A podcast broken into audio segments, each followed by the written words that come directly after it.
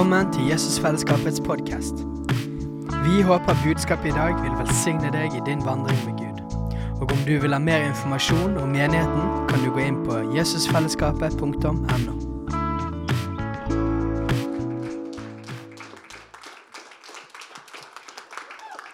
Yes, tusen takk. Det er nesten vanskelig å skulle gå på etter noe sånt, men ja. Setter pris på det.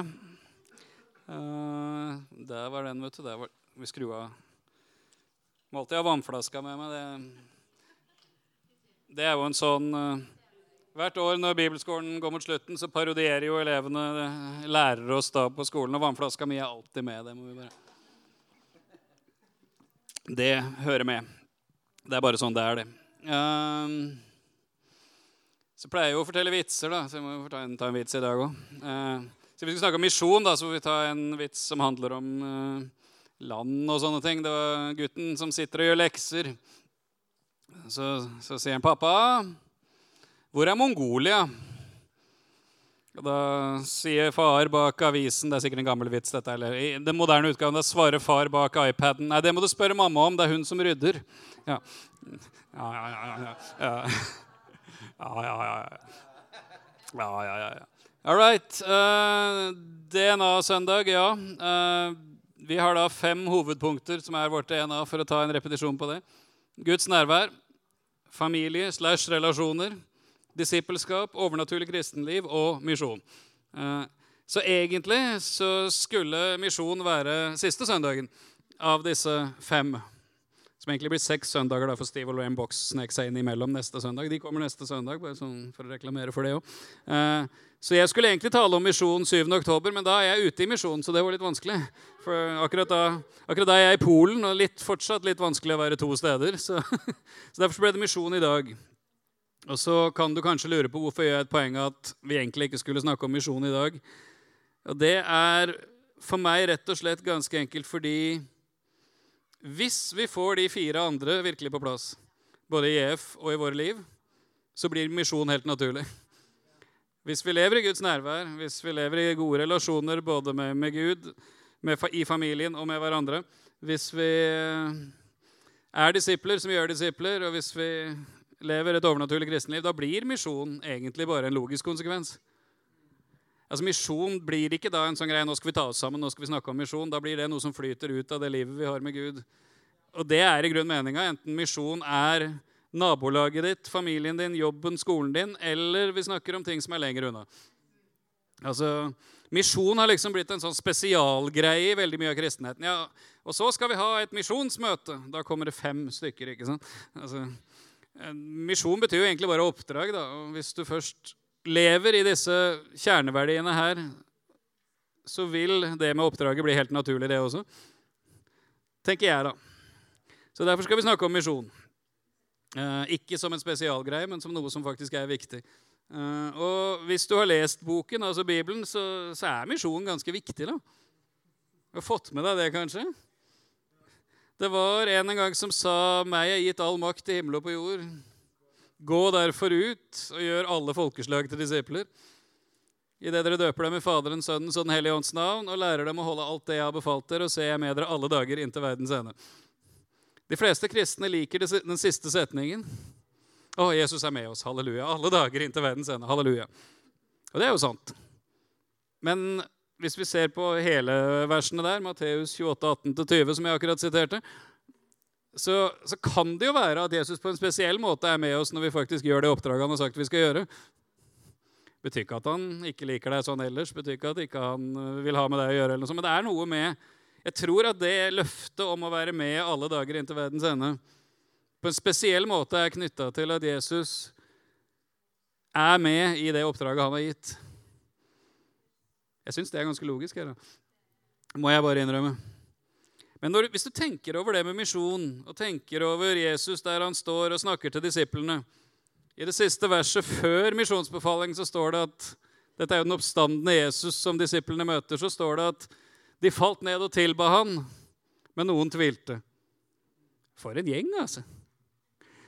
De har vært sammen med fyren i tre og et halvt år. Han har sagt han skal dø, at han skal stå opp igjen. og så tror Ingen av de tror det når han dør, at han kommer til å stå opp igjen. Når han først står opp igjen, så faller de ned og tilber han, og så tviler de der de ligger på kne. Foran den oppstandende Jesus. Altså, for en gjeng, altså. Det gir håp for de fleste av oss her, liksom. Gjør ikke det, da? Altså, Det er jo ikke noen supermennesker, dette her. Altså, de, selv når de står ansikt til ansikt med den oppstandende Jesus, så er det noen av de som tviler.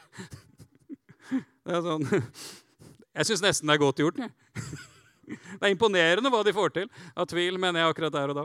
Hvor mange av dere hadde virkelig slitt med tvilen hvis du sto ansikt til ansikt med den oppstandende Jesus fysisk? Jeg, jeg vet ikke, jeg, altså, jeg har tenkt på det der noen ganger. Det er liksom en sånn Imponerende, gutter! At dere greier, liksom. Men, men takk og lov, det gir håp for de fleste av oss. Men det er jo litt av et oppdrag. da. Det er jo egentlig et ganske umulig oppdrag. Der sitter de, da, eller står, denne gjengen med en del tvilere. Og så sier Jesus nå skal dere altså vinne hele verden. Kjære Jesus, du har ikke noe bedre å satse på. da. Jesus må ha noe mer på lager enn dette her, må han ikke det? da? Han har jo det, da. Fordi det fortsetter i Apostelens gjerninger, kapittel 1, vers 8. Men dere skal få kraft idet Den hellige ånd kommer over dere, og dere skal være mine vitner både i Jerusalem og i hele Judea og Samaria og like til jordens ende. Det er det som gjør oppdraget mulig. Hvis ikke så hadde dette vært mission impossible. Hadde vi bare hatt misjonsbefalingen i Matteus, så hadde dette vært mission impossible. Men med det som skjer i apostlenes gjerninger, så blir det plutselig mission possible. Fordi Jesus kunne ikke bare gi oppdraget, han måtte også gi kraften som skulle til for å gjøre det oppdraget. Hvis ikke så ville det omtrent være som om eh, din far ga deg bilnøklene og sa kan du, kan du, kjøre på butikken og kjøpe det og det og det og være tilbake innen et kvarter? Forresten, bilen er tom for bensin, men du fikser det, du. Gjør du ikke det? Det hadde vært misjonsbefalingen uten begynnelsen av apostlenes gjerninger. Du visste hva du skulle gjøre, du visste hvor du skulle, men du hadde absolutt ingenting for å klare å komme dit. Skjønner? Ja. Og hvis du ser gjennom kirkas historie, det er jo en av mine greier, jeg elsker kirkehistorie, så, så, ser du det at det som får evangeliet til å utbre seg, det som får Guds rike til å bres utover, er nettopp den kraften som Jesus gir. Særlig de første fem-seks århundrene, og også videre i alle steder hvor det skjer pionerarbeid opp igjennom. Og også spesielt de siste 100-150 årene, den liksom moderne misjonsbevegelsen, så er det det som skjer i ånd og kraft som utbrer Guds rike. Så å snakke om misjon uten å snakke om Den hellige ånds kraft, det, det, funker veldig dårlig for meg.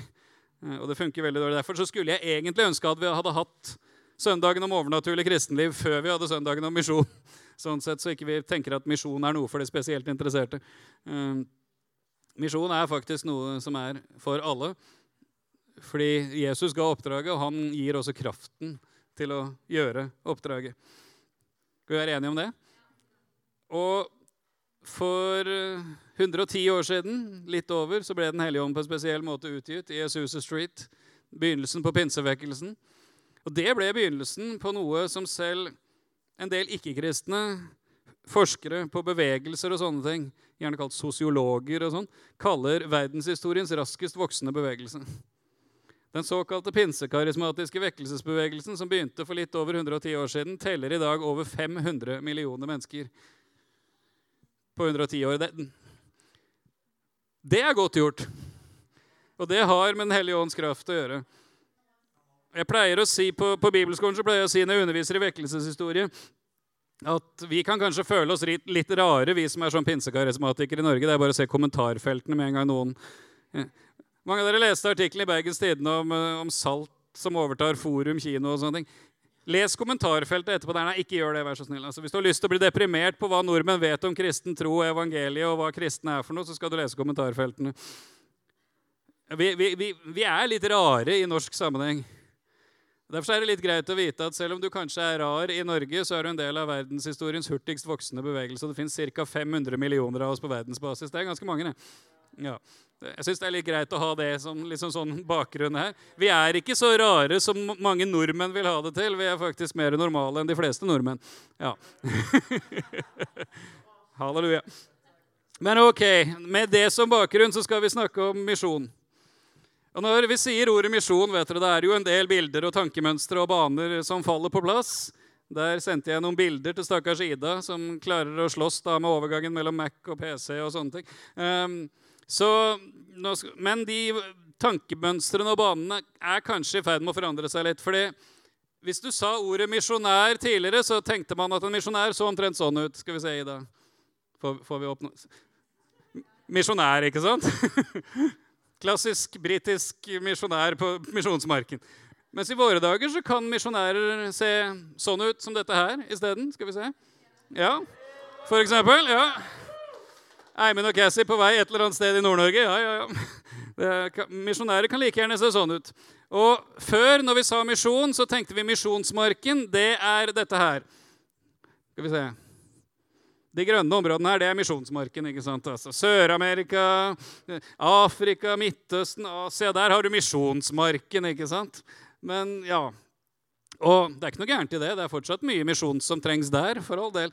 Men misjonsmarken i våre dager kan like gjerne se ut noe sånt som dette her. For eksempel. Dette er fra Lisboa. Det var bare det beste bybildet jeg fant på nettet. sånn i farten. Det er veldig fint der. Det ligger en god Starbucks ned til venstre der. Jeg... Ingebø, Ingebø, jeg var på ferie der for noen år siden. Ja. Veldig fint i Lisboa. Men, men misjon kan like gjerne være, være dette her. Altså, det må ikke være snakk om unådde folkeslag i Afrika eller Asia, selv om det er veldig bra. Det også. Det kan også like gjerne være storbyene i Europa, sentrale områder av Europa. Og For en del år siden, veldig tidlig i historien til både Jesusfellesskapet og Veien slash Impact, så opplevde vi et kall til at misjon gjelder ikke bare den klassisk såkalte tredje verden. Misjon gjelder Europa. Og at Gud ga oss et kall i forhold til misjon i Europa. Og På en tur til Reading i 2010 så sitter Steinar og jeg på hotellrommet og så begynner vi å snakke, og så begynner vi å snakke om hvor mange mennesker bor det egentlig i Europa. Hva skal vi regne som Europa? Og så begynte vi med litt sånn geografi. Og så tenkte vi ok, de britiske øyer, det europeiske kontinentet ja, Vi kan kalle, kanskje holde Tyrkia utenfor, for det begynner å bli Midtøsten. Men vi må ha med deler av Russland. sånn Turalfjell, den europeiske delen av Russland. Og så jobba Steinar mer med dette her når vi kom hjem, og så ble dette et kart med regioner av Europa som kanskje noen av dere har sett. Da kan vi prøve det siste bildet. Ida. Se her. Her har vi et kart over Europa. Delt inn da i forskjellige områder. Sør, vest, sør og Vest-Europa. De britiske øyer. Vest-Europa sentralt. Skandinavia, Øst-Europa, Balkan. Og Konklusjonen vår var at det bor ca. 800 millioner mennesker i dette, dette området hvis du regner med den europeiske delen av Russland. Og hvis du er snill på antall kristne mennesker, basert på møtebesøk og sånne ting, så er det da kanskje 20 cirka, millioner mennesker som er kristne i dette området. her. Det vil si at mennesker som trenger å møte Jesus i Europa, er 780 millioner mennesker. Du behøver ikke reise veldig langt for å være i misjon. altså.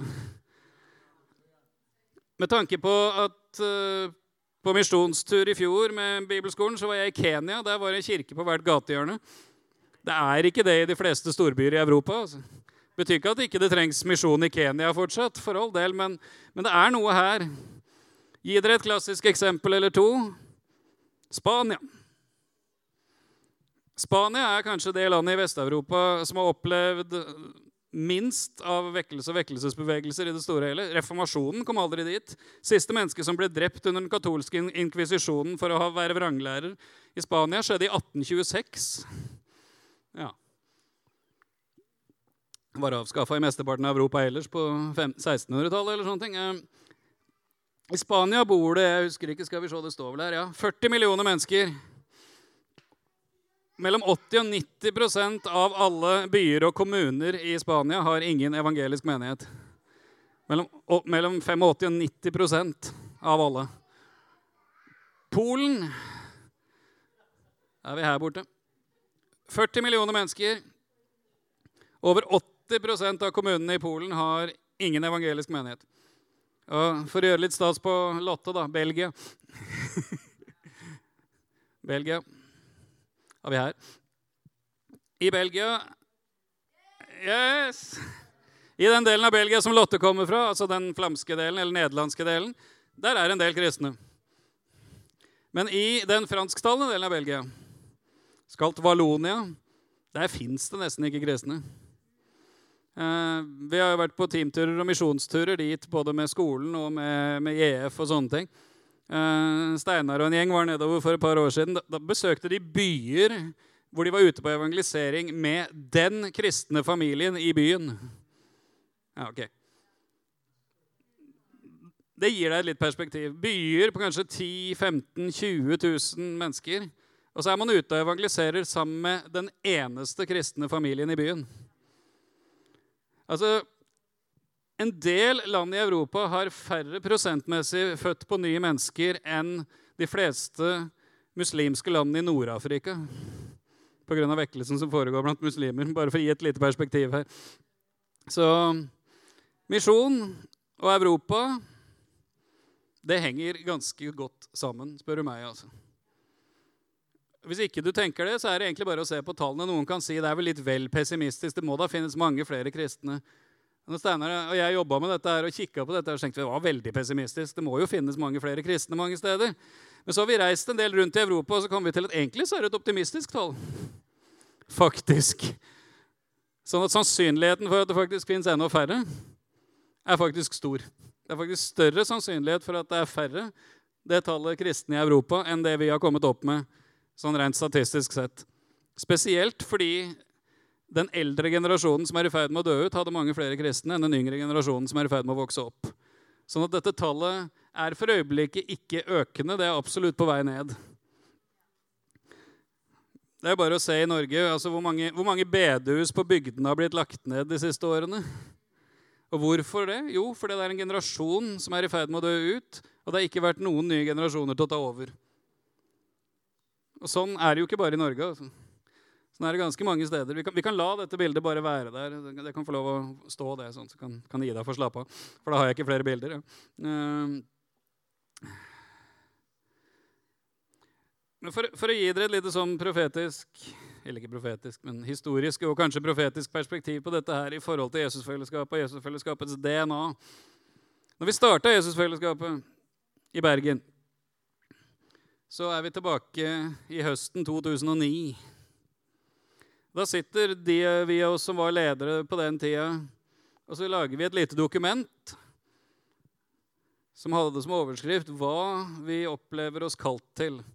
Nesten et slags sånn kallsdokument eller kallsbrev eh, omtrent før vi starta.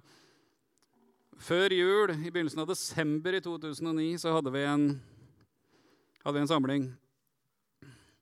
Og Vi leste opp dette her og spurte hvem som ville være med på dette. Det skjedde på Voss, faktisk. Så Øystein var sikkert der. Osasalen på ja. Nei, nei, nei, dette var et sånn før jul-greie, faktisk. Vi kom opp en hel gjeng fra Bergen. Jeg leste opp dette dokumentet, og spurte om det var noen som var til stede som var interessert i å, å, å være med på dette. her. Det var selvfølgelig ikke et enda menneske som turte å sitte, men ja. Eh, vi regner jo med at de var der fordi de ville være med på det. Jeg skal lese noen utdrag fra dette her. Dette er altså ni år siden. Kallet vårt finner vi beskrevet i Jesaja 58, vers 11 og 12. Disse ordene har jeg sitert hver gang vi snakker om misjon i Europa, men for oss er de sentrale. Og, og, hør på de, og tenk ikke bare Israel, men tenk Europa, Jesaja 58, 11 og 12. Herren skal lede deg hele tiden. Han skal mette deg midt i ødemarken, og dine ben skal han styrke. Du skal bli som en vannrik hage, som et kildevel der vannet aldri svikter. Sønner av deg skal bygge opp igjen ruinene fra gammel tid. Grunnvoller som har ligget der fra slekt til slekt, skal du gjenreise, og de skal kalle deg den som murer igjen murbrudd og setter veier i stand så folk kan bo i landet. Originalt sett et kall til Israel om å bygge opp igjen landet, men vi tror at dette er et kall som Gud har gitt oss, ikke bare oss, men også oss. At Jesusfellesskapet skal være et sted som er en vannrik hage og et kildevel. Et sted hvor mennesker møter Gud, et sted hvor Guds nærvær er, hvor Den hellige ånd flyter. Og som reiser opp sønner og døtre, som igjen skal bygge opp igjen ruinene fra gammel tid. Gjenreise grunnvoller, Bygge opp igjen murer som har ligget øde fra, steder som har ligget døde fra slekt til slekt. Sette veier i stand, så folk kan bo i landet. Mennesker bor jo i Europa, men nå snakker vi altså om å bo og leve som kristne. Europa har en fantastisk kristen historie. Noe alle de flotte katedralene og sånne ting rundt om vitner om, men de er stort sett museumer i dag. Det er mange flere mennesker inne i disse katedralene på ukedager fordi de vil se på glassmalerier og statuer enn det som kommer på søndag når det er gudstjenester. Men Gud kaller og reiser opp mennesker til å være med å bygge opp igjen. Og så skrev vi da i 2009 Dette er altså før Jesusfellesskapet i Bergen faktisk egentlig eksisterer. Bortsett fra at vi noe sånn husfellesskap eller sånne ting, men sånn offentlig. Og det er ikke småtteri, da. Vi tror at Gud har kalt oss til å være en menighetsplantingsbevegelse som skal nå Norge, Skandinavia og Europa. Vi tror vi er kalt til å trene opp en generasjon av vekkelsesbærere som lever ut det fulle og hele evangeliet om Guds rike. Vi er kalt til å være mennesker som er bærere av Guds nærvær og hjelper andre mennesker inn i det. Vi tror at skal nasjoner i Europa bli forandret, trenger de å møte et evangelium hvor tegn, under og mirakler følger den normale kristne. Vi tror alle kristne har dette kallet, og det ikke bare er for spesialister. Vi tror at den beste måten å plante nye menigheter er å være husmenigheter som er gå-ut-menigheter. Vi tror at når mennesker ikke vil komme til menigheten, må menigheten gå ut til dem og være menighet på arbeidsplass, på skole, i kjøpesentre osv. osv. Vi vil være en treningsbase hvor vi sender ut mennesker over hele Norge, Skandinavia og Europa. Det er ni år siden. Og eh, vi i EF vi har hatt våre nedturer og vi har hatt våre oppturer. Siste året kanskje mer nedturer enn oppturer, men vi har hatt begge deler. Men Guds kall tror jeg er det samme.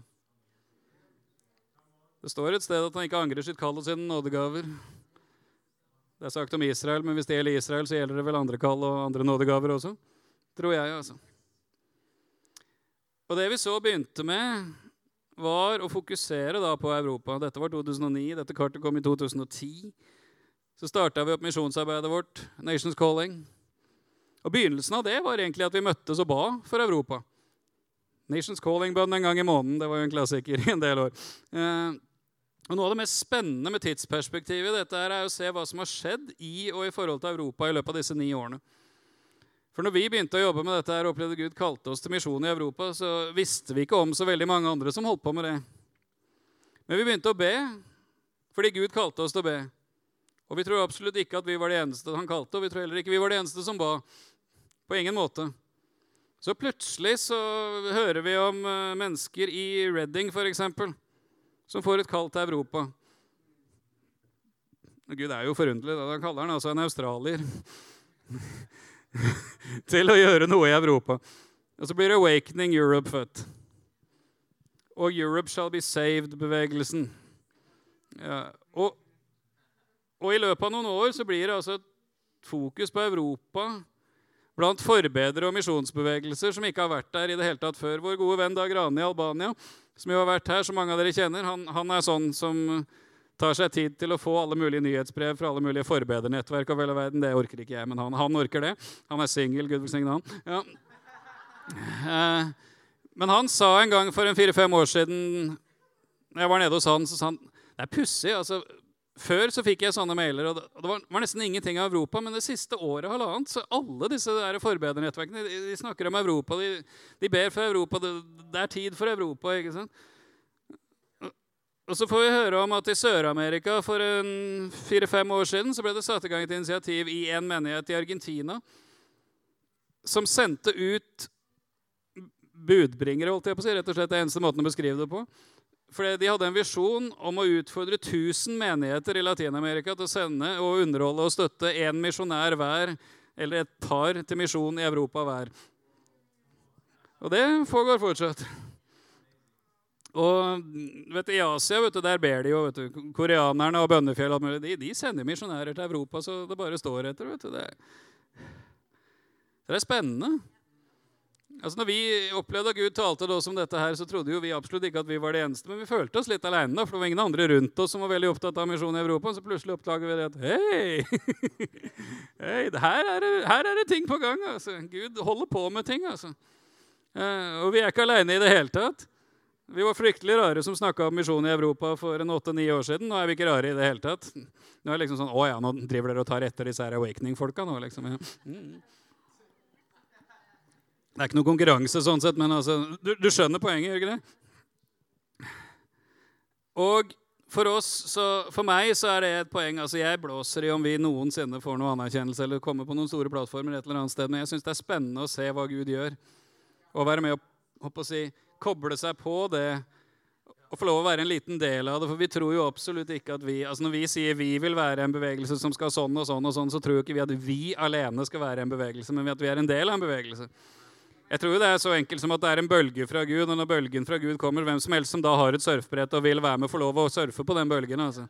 Det er liksom sånn Spørsmålet er bare har du brett, vil du være med? Altså, ikke var det du som fant på dette her? Altså. Og det vi tror, er at for vår del så tror vi at Gud kommer til å kalle mennesker. Og EF slash Nations Calling kommer aldri til å bli en sånn standard misjonsbevegelse. Vi kommer aldri til å sette inn en annonse i en eller annen avis og spørre har du lyst til å bli misjonær i Europa. Vi kommer aldri til å, jeg tror aldri vi kommer på en Jesusfest og sier nå har det åpna seg en mulighet for å bli misjonær her eller der. Hvis noen har lyst til å reise, så ta kontakt med oss. ikke sant? Fordi vi tror ikke det er sånn det skal fungere. Vi tror at Gud kaller mennesker.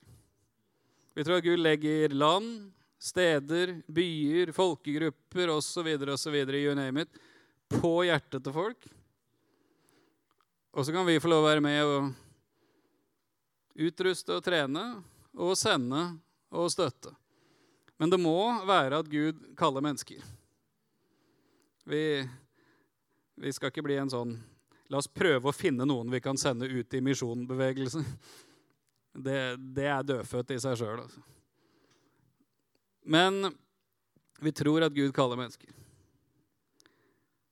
Tror du at Gud kaller mennesker? Ja. ja men det er bra. Da er vi enige om det. Et godt utgangspunkt for det vi holder på med. Uh, du vet Og det kan skje på de merkeligste måter. Plutselig sitter du hjemme en dag, og kanskje ser du på nyhetene, og så plutselig så dukker det opp noe fra et eller annet sted, og så merker du at hjertet ditt banker ekstra hardt, og så lurer du på hvorfor det. Eller du leser Bibelen, og så plutselig begynner du å tenke på et eller annet, eller du leser et eller annet, eller du hører et eller annet, eller ja, så, og så videre, og så videre, og så videre.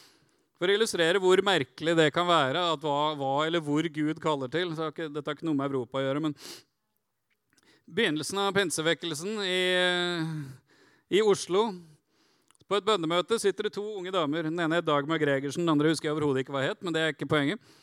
Og så, og så, ber, så, blir de delt opp i grupper, og så sitter de og ber. Og så sier den ene av disse to unge damene til den andre Jeg får ordene 'banda, banda'. Ja, kanskje det er tungetale, sier den andre. Så de begynner å be, og så kjenner de så liksom Gud, banda, banda. Banda, banda! liksom, i alle dager så liksom, ja, ja, ok, spennende det. Og så går de hjem fra bønnemøtet, og så på et eller annet vis så finner de ut at dette er et område i India. Så reiser to unge, ugifte damer i begynnelsen av 20-åra til Banda Banda i India en gang mellom 1910 og 1920. Fordi Gud kalte de, og begynner pinsevekkelsen der. Ja. To unge svenske gutter halleluja, jeg husker at den ene het Vingren. jeg husker ikke hva den andre het. De, de, sitter på, på, et møte i pinsevekkelsens spede begynnelse i Sverige og opplever begge to et kall til Brasil.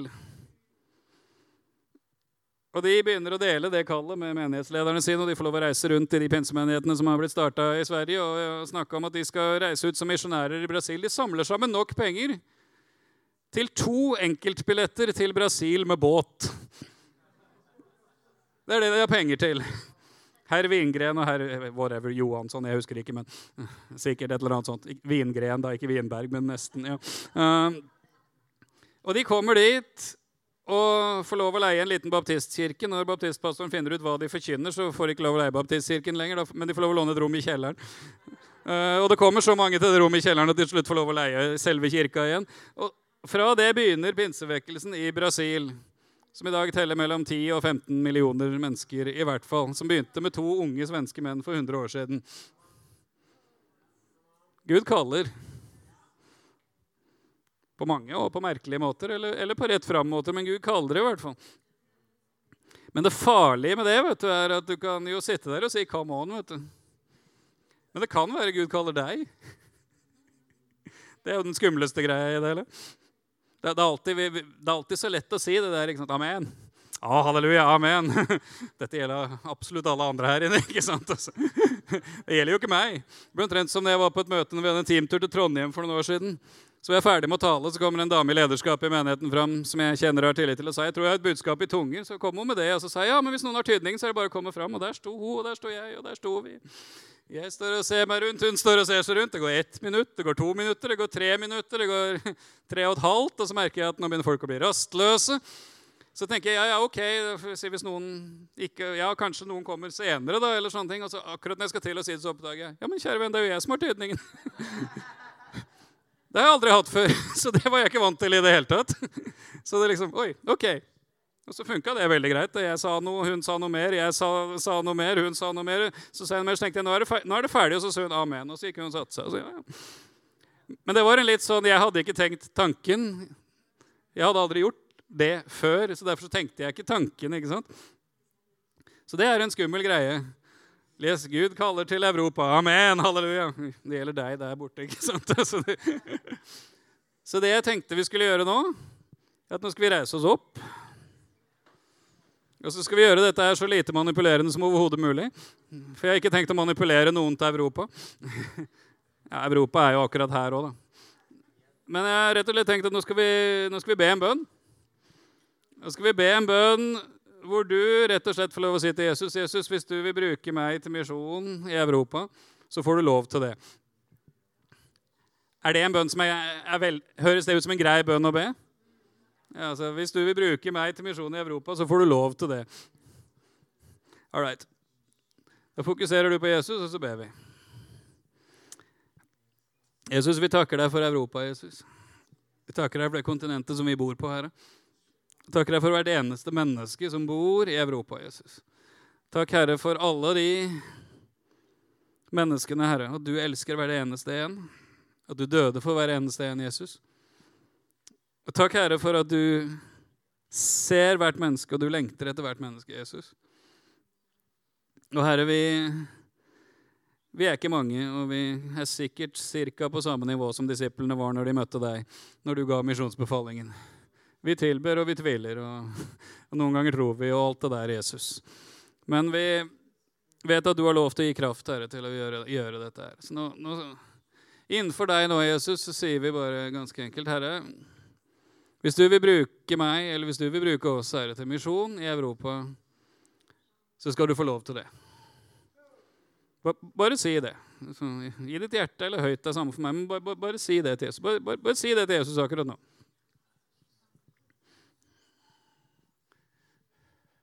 Ja, det var mange som sa det veldig lavt. Kan, kan ikke noen si det litt høyt? Da, sånn liksom, altså, Jesus, hvis du vil bruke meg til misjon i Europa, skal du få lov til det.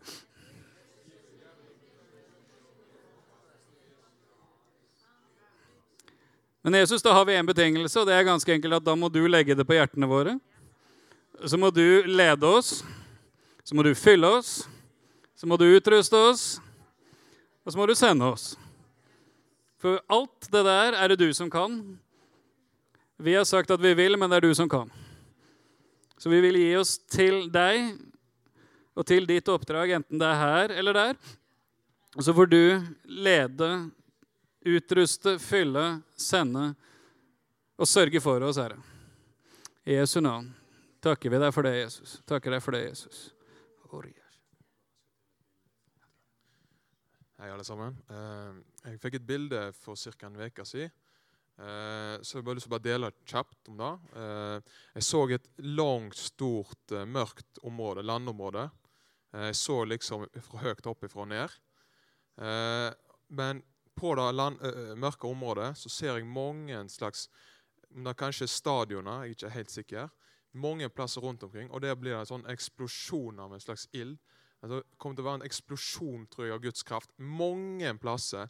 Så det kommer til å og også folk som er i mørket, tror jeg kommer til å bli tiltrukket av disse her eh, eksplosjonene av Guds ild. Og det kommer til å samle seg hopetall av mennesker da, tror jeg. Så det er en tid for en stor innhøstning. Jesu navn. Takk skal du ha. Veldig bra. Veldig bra. Yes. All right. Oh, wow, wow, wow, wow. Um, wow. Ja, vi, vi, må be litt mer fra Europa, men for at ikke vi skal gjøre det på den måten. Gå sammen i grupper, sånn tre-fire stykker eller sånn. Så tar vi noen minutter og bare ber for, ber for Europa. Uh, vi får hjerte for ting når vi ber for, ber for ting. Så det gjelder for Europa. Gå, gå sammen i, i, grupper. Mm, bare sånn og Så ber vi litt mer, ber vi litt mer for Europa.